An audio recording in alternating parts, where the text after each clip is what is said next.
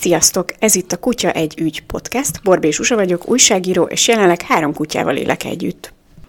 Én pedig Osztos Panka vagyok, kutyatréner, 7 éve foglalkozom egyéni személyre szabott kutyakiképzéssel, melynek fő irányvonala, hogy erőszakmentes technikákat alkalmazok a munkám során.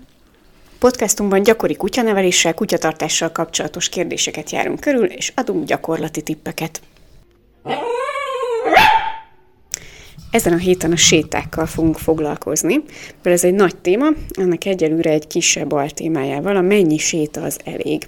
Kezdjük azzal, hogy kell egy kerti kutyát sétáltatni, vagyis egy olyan kutyust, akinek egyébként van olyan területe, ahol egész nap szaladgálhat. Igen, egyértelműen kell a kerti kutyáknak sétálni.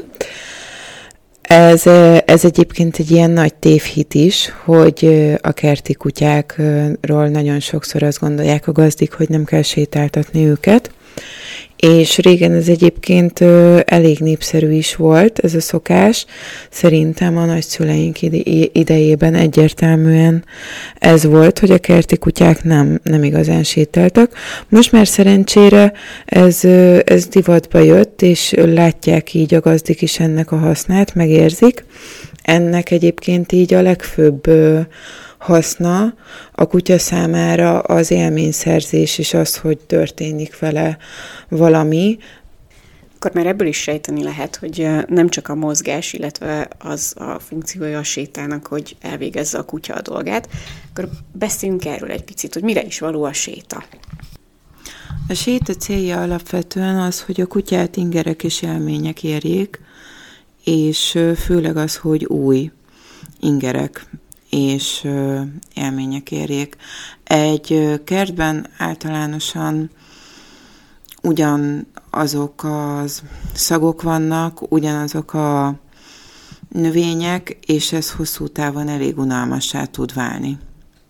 És ilyenkor tud a kutya szociális életet is élni, hogyha jól gondolom. Szóval egyrészt ilyenkor találkozhat más kutyákkal, másrészt pedig különböző nyomokkal információcsere is történik, hogyha a saját kutyáimnak a viselkedéséből jól következtetek.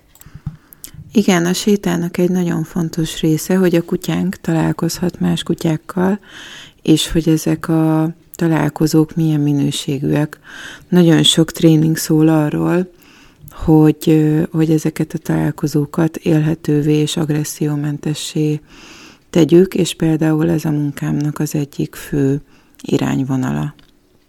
Rendben, akkor menjünk bele egy kicsit a részletekbe. Hogy néz ki egy jó séta, és milyen hosszú? Kezdjük azzal, hogy milyen hosszú. Számít-e a, az, hogy a kutyánk az egy kertben rohangál egész nap, vagy a városi lakásukban várja azt, hogy lemehessen. Hiszen sokan szerintem csak azért viszik le a kutyát, hogy el tudja végezni a dolgát, és utána már rohannak is vele föl. Milyen hosszú az ideális séta? Nincs Nincs erre általános válaszom, hogy milyen hosszú az ideális séta. Minden kutya számára más a hossza. Ez függ a korától, az idegrendszerétől, és attól, hogy egyébként milyen napja van, milyen az időjárás, szóval nagyon sok tényezőtől függ. Az a hosszú távú célunk, hogy egy ideális fáradtságot el tudjunk érni a kutyák számára, és ennek, ennek az elérése minden kutya számára más jelent. Egy kertben tartott kutya számára, aki akár egyedül is tudja szórakoztatni magát a kertben, mert olyan személyiség, vagy akár játszanak vele a gazdék a kertben, valószínűsíthetően a séta hozzátesz a fárasztásához fizikailag, de és így kevesebb sétára van szüksége, mint hogyha ugyanez a kutya lakásban lenne tartva, és, és nem lenne a kertben is mozgatva pluszba. Miből látszik az egy kutyának a viselkedéséből, hogyha neki elég volt a séta? Ezt eléggé gyakorlati példa miatt kérdezem, ugyanis nekünk két nagyon eltérő méretű kutyánk van, egy egészen picike, és egy viszonylag hosszú lábú, mozgékonyabb, és folyamatosan vita tárgya köztünk, hogy a kisebbik az azért áll meg, és jelzi azt, hogy vegyük fel, mert ő hisztizik, vagy nincsen kedve tovább sétálni, vagy ezek a távok már neki túlságosan megerőltetőek. Igen, szokták jelezni a kutyák, hogyha elég nekik a séta, bár megmondom őszintén, hogy az általánosságban a ritkábban előforduló probléma, és főleg az szokott a probléma lenni, hogy nem sétálnak eleget a kutyák, és többre lenne igényük.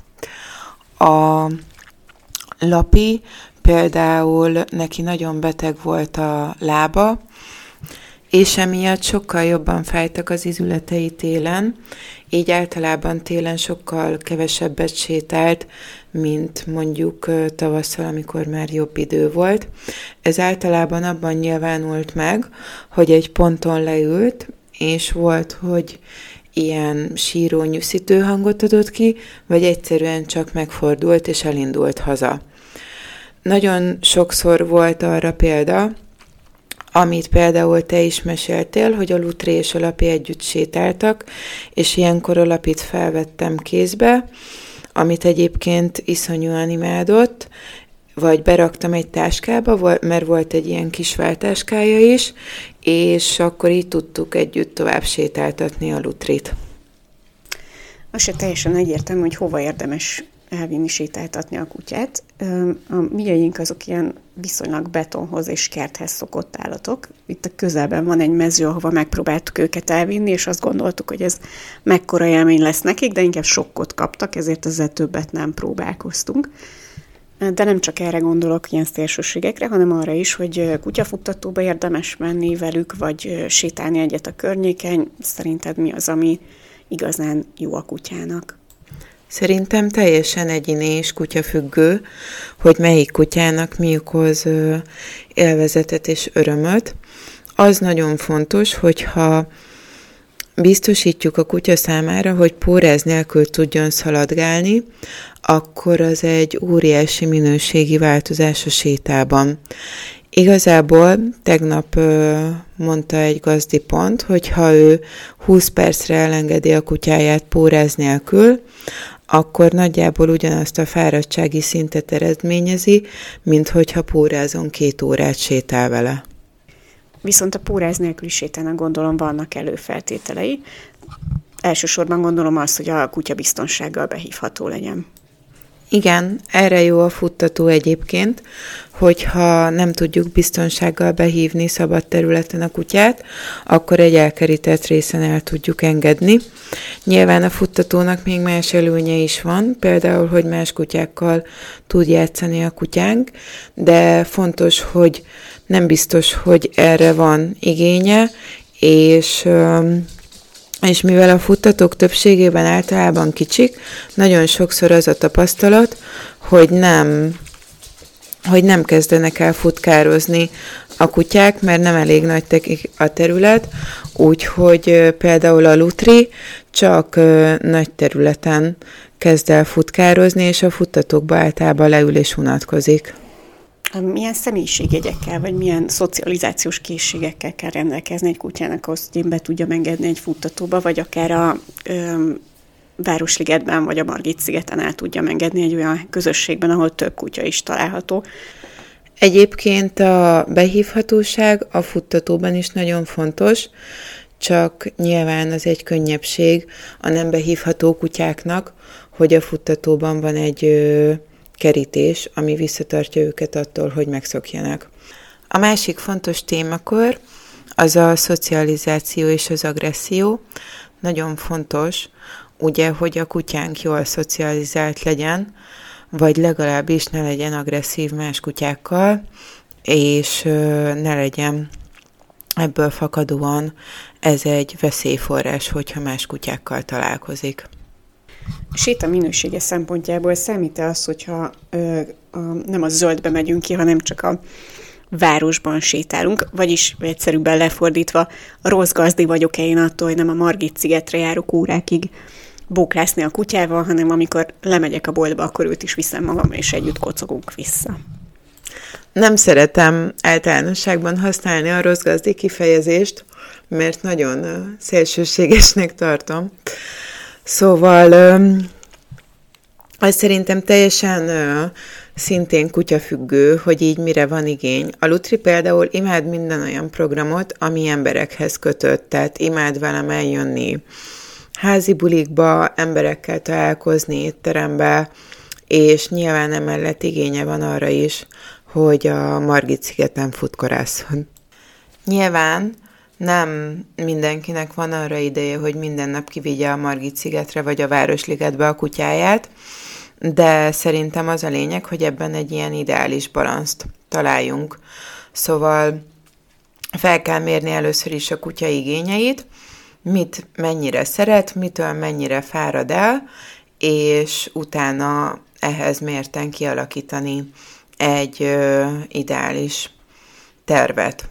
Sokszor ezt egyébként a gazdikkal együtt szoktuk kialakítani, hogy szerintem hetente hányszor kéne vinni a Margit szigetre, a séta mellett szükség van-e kiegészítésként például kutyanapközis foglalkozásra, és általánosságban mi a gazdik megfigyelése a saját kutyájuk kapcsán, hogy mitől mennyire fárad el.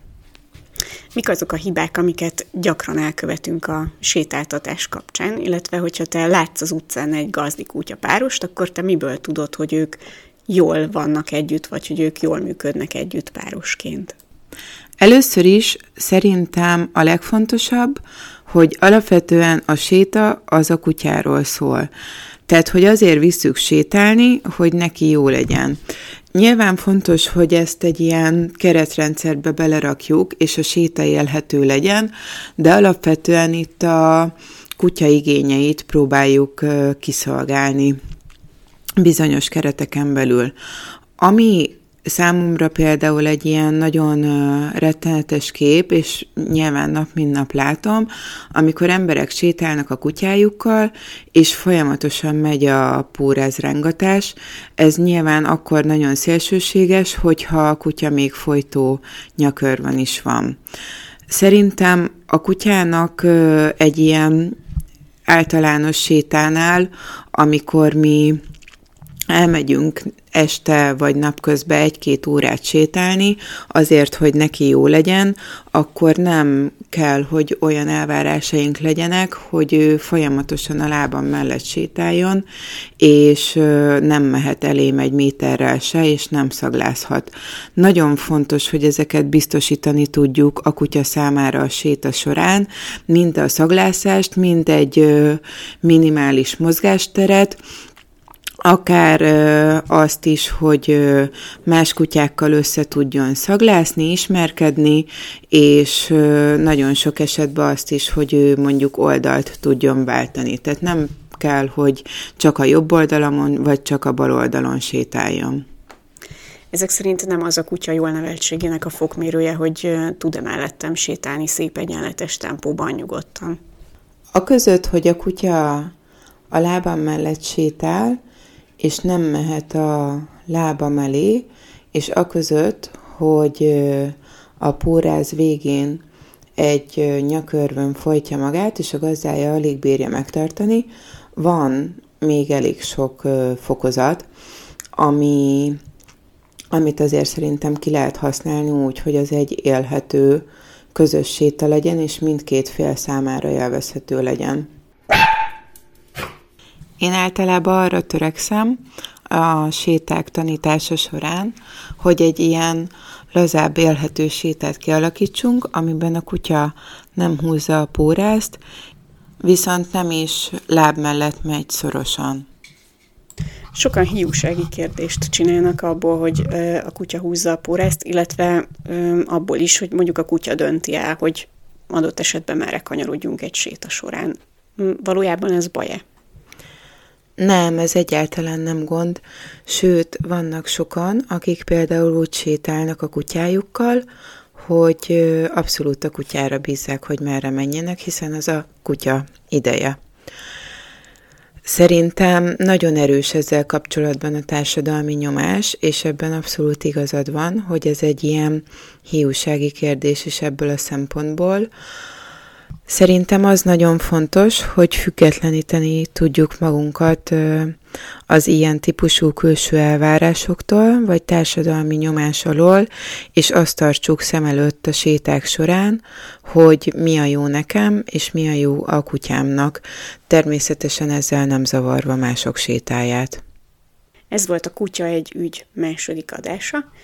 A háttérzajokat négy kutya biztosította a műsorhoz. Köszönjük szépen, hogy meghallgattatok minket, hamarosan jövünk a következő adással.